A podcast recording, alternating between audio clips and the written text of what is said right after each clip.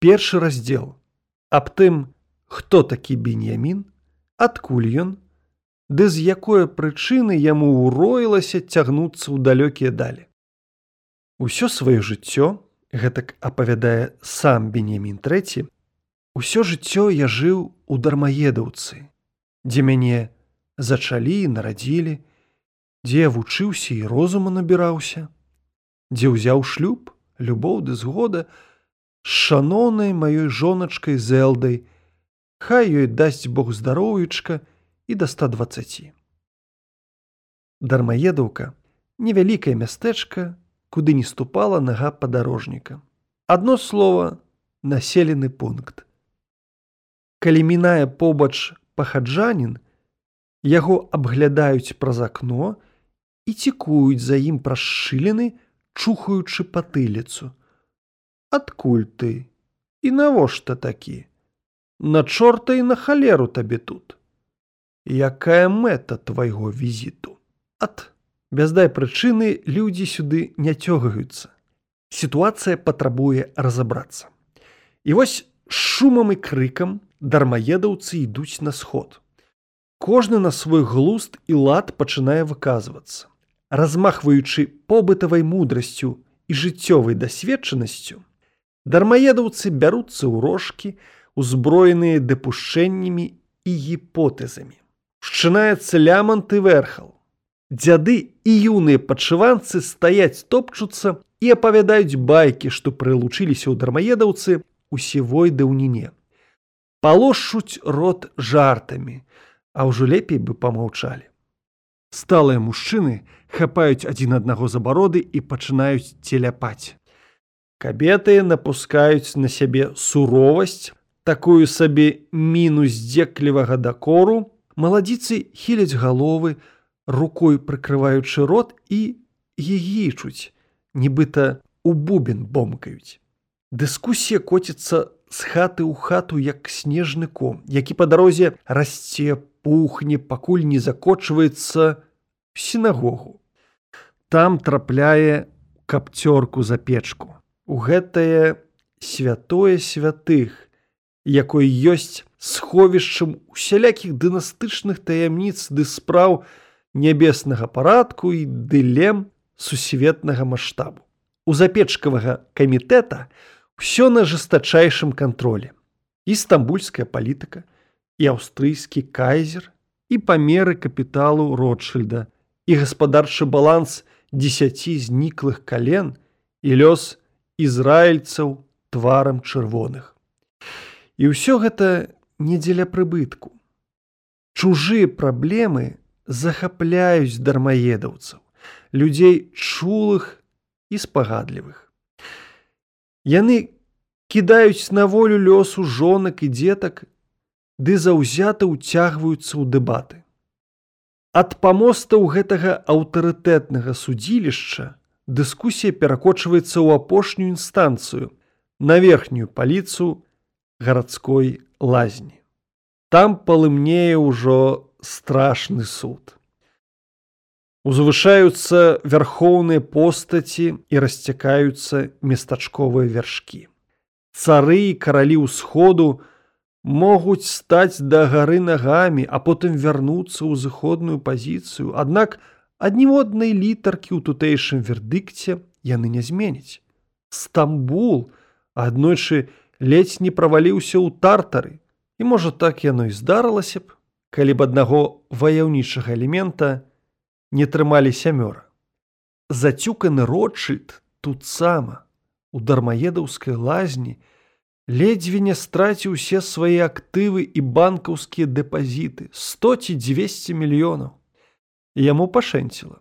На паліцы ў той вечар панавала пачуццё паблажлівай шчодрасці і ўсіх любоўе. За адно імгненне Ротшильду не толькі вярнулі канфіскаваныя, але і прэміявалі патройным прыбыткам, накінуўшы дзядзьку на хлеб з масліцам, якіх пару мільёнаў дукатаў.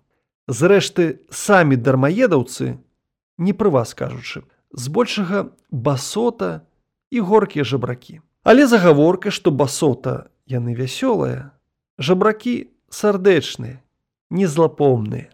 Калі пытаецеся дармаедаўца, добры чалавеча, дзе працуеш і з чаго жывеш? Дык той няўцямна ўталопіцца, муліючыся, што адказаць. І калі нутраная бура ў ім урымсціцца, то крыху заікаючыся, той адкажа: « Жыву, з чаго я жыву цікавіцеся, Эх, пытайце спадарства, абы што. Господ Бог жа ўсюды прысутны, ды дбае аб кожнай кузюрцы. Э, будзе дзень, будзе і пажытак. Бог даў дзетак, дасці на дзетак. Вось што я вам скажу, каб вы былі здаровенькія. Але шаноўны, працуеце вы дзе? Якія умельствы ці прыбыткі маеце? пахвалёны Господ Бог, хай ён свяціцца і ўславіцца. Я, як тут ёсціка перад вами, такі сабе сціплы харашун, маю блаславенне ад Господа мілажальнага, спрытныя рукі і прыемны голас. У дні святого посту прыходжу і чытаю літургію суседнім мястэчку. Калі трэба, магу абрэзаць немаўлятка. І дзіраўлю мацуя прафесійна, абсалютна прабіўным чынам. І хлопца з дзеўкай на прадмет сур'ёзных намераў магу пазнаёміць. І нерухомаць, як бачыце, ёсць замацаванае за мной месца ў сінагозе. Дарэчы кажучы, дома ляжыць, але хай гэта застанецца паміж намі трошкі прадукту, такі сабе чысты спірытус на продаж. Акрамя таго, дойная каза, а яшчэ адзін заможны сваяк, які таксама часам доіцца. Господ нам бацька ў вышынях, хай ён блаславіцца і ўзвялічыцца. Таму няма чаго бацьку гнявіць. Дзеля справядлівага аповеду варта адзначыць: дармаедаўцы надта не перабіраюць. Ешку і адзежку маюць, якую маюць. Нават калі суботні лапсердак парваны і аблезлы, а яго фалды зацвэгныя ў сажу, няма чаго гвалт падымаць. Галоўнае, ён зроблены з чыстага ядвабу. Калі сям там вопратка і бялізна пайшлі лахманамі і месцамі блізкая пята, дык хіба мы будзем пераймацца драбніцамі. Што, пята ўжо не людское цело. Хай дурань зерацца і рагоча. Калі ежа мякіны крупнік, дык тое прыстойная вячэра. А як набіў лантух, дык няма патрэбы ў булцы з чыстай мукі і рабрынках. Але калі ўсё ж такое атрымалася дастаць, гэта каралеўскі наедак, лепш якога не існуе на ўсім белым свеце. І вось стаіш ты перад дармаедаўцамі і спрабуеш апавесці пра рэшту сусветных кухняў і страваў. Хіба толькі не пра селядец ды цыміс з кампотам. Дык усе твае словы і кулінарныя назвы лунаюць па-над імі нібыта дзівосныя і незнаёмыя істоты. Урэшце дармаедавец пачынае строіць кпіны і сыпле досціпамі, выстаўляючы сябе паўдуркам, які зачмыры ўсім галаву. Маўляў, грушы на вярбе растуць, або што певень лётаў лётаў, яйка знёс, Аднойчы нехта прывёз у мястэчка фінік. Ад мала да вяліка дармаедаўцы пабеглі глянуць. Кінуўшы рынуўшы ў школе кнігі і спехам загарнуўшы выданні. Збягаліся, мацалі яго. Матухна, фінік, апісаны яшчэ ў святым пісьме. Зірнулі на фінік, і вось перад дармаедаўцамі паўстае зямля абяцаная. Вось мы перабавіліся праз ярдан, Вось пячора з грабніцамі бацькі Абрагама і мацеры рахілі. Вось Ерусалім, Вось сцяна плачу. Цяпер падняліся мы на аліўную гару і аб'ядаемся ў прахалоднай засені пладамі ражковага дрэва ды фінікамі. А вось, сыплем у прыгаршы пыл святой радзімы, а божачкі, божачкі. Уздыхнулі дармаедаўцы, змахваючы залётную слёзку. У гэтую хвіліну, кажа Беньямін, усе дармаедаўцы вокам гненна як бы перанесліся ў абяцаную зямлю, а некаторыя нават сталі голасна звеставаць хуткі прыход месіі. Стаялі, тапталіся, ажно пакуль не наступіла святая субота і не нахапілася цемра. А тут, як на тое, у мястэчка якраз прыслалі новага паліцэйскага начальніка з жалезнай рукой. Ён убачыў забароненыя ярмолкі на галовах двух мужчын і ўласна руч сарваў іх.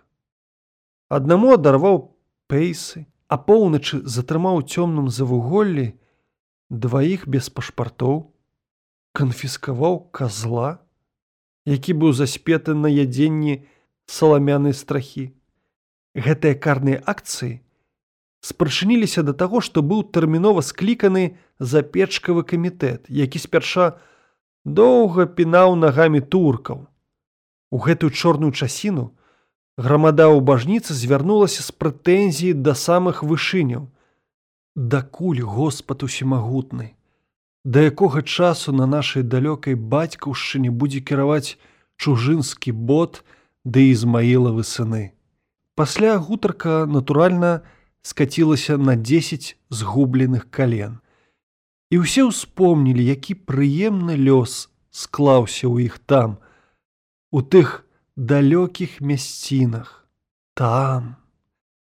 У ізраільцаў тварам чырвоных сыноў Маісеевых, якія ўзышлі на палубу і адплылі, каб пляжыць тубыльцаў сваёй адвагай ды аповедамі пра слаўную мінушчыну. Ясная рэч, пасля не абышлося без Эльдада, калена Данова, што паехаў у краіну куш за эфіопскія горы і падрабязна апісаў свае прыгоды. І вось менавіта ў тую самую хвілю мяне апанаваў дух і распалілася прага падарожжаў, якая адгэтуль палымнела і толькі мацнела дзень пры дні. Колісь беньямін, быў замкнуты ў сваім зацішку, нібы кураня ў яйку, або чарвяк, што пасяліўся ў хрэне. Лічыў, што за дармаедаўкай свет зачыняецца, і жыцця тамака няма ніякага. Я лічыў, што неяк не можа быць больш багацей дабрабыту, чым у нашага арандара, піша Бенямін у адным са сваіх твораў не можа быць хаты большай за ягоныя хорамы, а набытку аж з горла прэў усяго усялякага. Медзяныя свяцільні чатыры пары. Медзяны сямісвечнік з булдавешкай і арлом на вянцы. Медзяныя рондалі дзве штукі. Пяць медзяных патэльняў, глянцаваныя алавяныя місы, што вісяць радамі ў кухні, тузін, а мой больш латунных лыжак, два срэбныя кубкі, партабак, ханукальны падсвечнік, старадаўні гадзіннік у срэбным футарале на бірузовым матуску, які ў дадатак аздоблены далікатнымі шкельцамі розных колераў. Ажно два суботныя лапсердакі, дзве каровы і цялушка, і яшчэ, яшчэ незлічоныя скарбы лічыў я няма чалавека разумнейшага і больш кемлівага за спадара айзека довіда сына спадара аарона ёсла пра якога казалі што ў маладыя гады зрабіў кар'еру на калькуляцыях у прамысловых маштабах. Бо гандляры і камерсанты цугам хадзілі па яго падлікі. Спадар айзек довід не з нашым шчасцем дык мог бы зрабіцца міністрам ва ўрадзе сядзець па правіцу ад кіраўніка дзяржавы, я верыў, што няма большай прыгажосці і красамоўства, чым у хай клазаікі нашага дармаедаўскага трыбуна.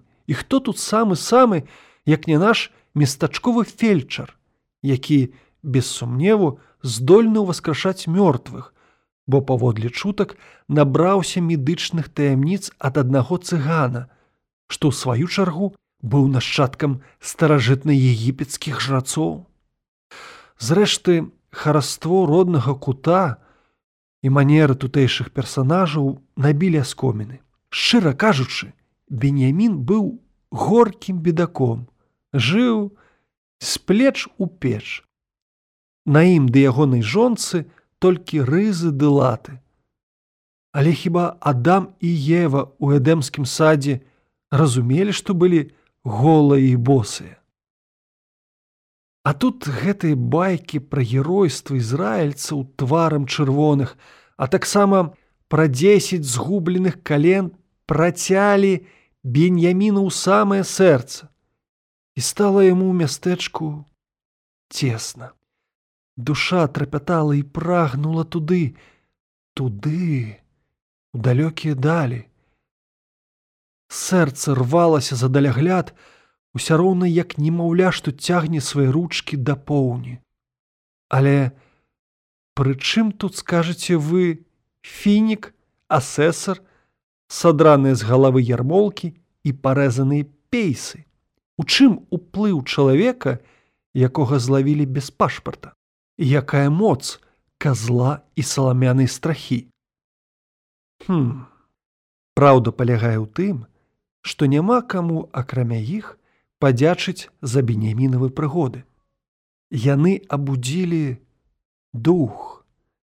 Дзякуючы ім, гісторыя атрымала новы паварот і беньямін здзівіў свет цудоўным падарожжам. Мы часта бачым, як з легкаважных прычын вынікаюць манументальныя гісторыі. Селянін пасеяў жыта, ураджай якога млынар змалоў муку. Частка той мукі трапіла на спіртзавод і яе перагналі ў гарэлку. З другой жа паловы тае мукі шынкарка гітал наляпіла на закуску клёцак. А тут яшчэ як на тое, тры тысячи гадоў назад фінікійцы вынайшлі шкло. І гэтак патрапілі да нас на стол, пляшкі і келішкі. З усяго гэтага суплёту, нібыта легкаважных прычын паўсюль у кожным нашым шынку ці на лавачках, з'явіліся дзеячы, якіх усе цудоўна ведаюць. Можа быць, яскарка падарожніцтва цяплілася ў бенеміне ад пачатку, Але гэтая яскарка згасла ды знікла б, калі векапомныя падзеі не распалілі б, не раздзімухалі б яе. І нават калі б яскарка тая не загасла да шэнту, усё ж без усіх прыгаданых лёсавызначальных падзеяў стаў бы наш беньямін вадавозам ці фурманам. Шмат фурманаў ды іх памочнікаў я бачыў на гэтым свеце, што маглі стаць першаадкрывальнікамі, вандраваць самі або вяртаць падарожнікаў у межы абяцанай радзімы. Але не гэтае я хацеў сказаць. Дзякуючы апісанням дзіўных і жудасных звяроў у кнігах Эльдада калена данавага і сведчаннем свайго папярэдніка беньяміна тудэльскага, які 700 гадоў назад пакіраваў на ўсход, а таксама псальмам, што апяваюць хараство Ерусаліма, а яшчэ кнізе адбітак свету, у якой на сямі кішэннага памеру старонках дэталёва распісаныя сем цудаў свету. Усе гэтыя радкі адкрылі беньяміну вочы, стварыўшы новага чалавека. З рассыпаных на старонках кніг, цудаў і дзіўнотаў, кажа беньямін у адным са сваіх твораў. Мая душа зляцела ў надхмарые. Господі Боже мой, ратуй жа, каб жа мне пабачыць хоць сотую частку тваіх дзівосаў. Сэрца прагне за мора акіян, розум уносіцца на крылах ветру далёка-далёка. Стуль стала беньяміну ў дармаедаўцы зацесна. Ён умацаваўся ў думца адсюль выбрацца, не раўнуючы кураня, якое пачало церабіцца і вылузвацца, каб са шкарлупіны, выбавіцца на прастор, на шырокі прастор. Пра Алеся Македонскага. Александр Македонскі ў сваіх транскантынентальных паходах ці, можа, навуковых экспедыцыях распаўсюджваў не толькі грэцкую культуру і адметнае грамадскае ўладкаванне, але таксама сваё імя. Александр разам з алесем мужчынскае імя нумар адзін у сучаснай беларусі. Мусіць, стаеш прычыны папулярнае яно і ў яўрэяў. Яўрэйская пагалоска прылічвае Александра Македонскага да ліку герояў, сваіх герояў, маўляў, падчас паходу на блізкі ўсход той завітаў у Ерусалімскі храм і прыняў ягвы як свайго Господа. Хутчэй за ўсё гэта праўда. Але Александр рабіў тое самае ў кожнай заваяванай краіне, дзеля сваіх каланіяльных мэтаў, прызнаваў тамтэйшых багоў, а сябе мясцовым памазанікам Божым. Ды ішоў далей, Але што ты будзеш рабіць з міфам, ну любіць яўрэя Александра Піліпавіча. Вось і спадарожнік Беніяміна носіць імя Сэндерл, вытворнае ад Сэндер, Александр. Пра Александра Македонскага чытаць яшчэ беларуская Александрыя у перакладзе са старабеларускай Алеся Брозгунова.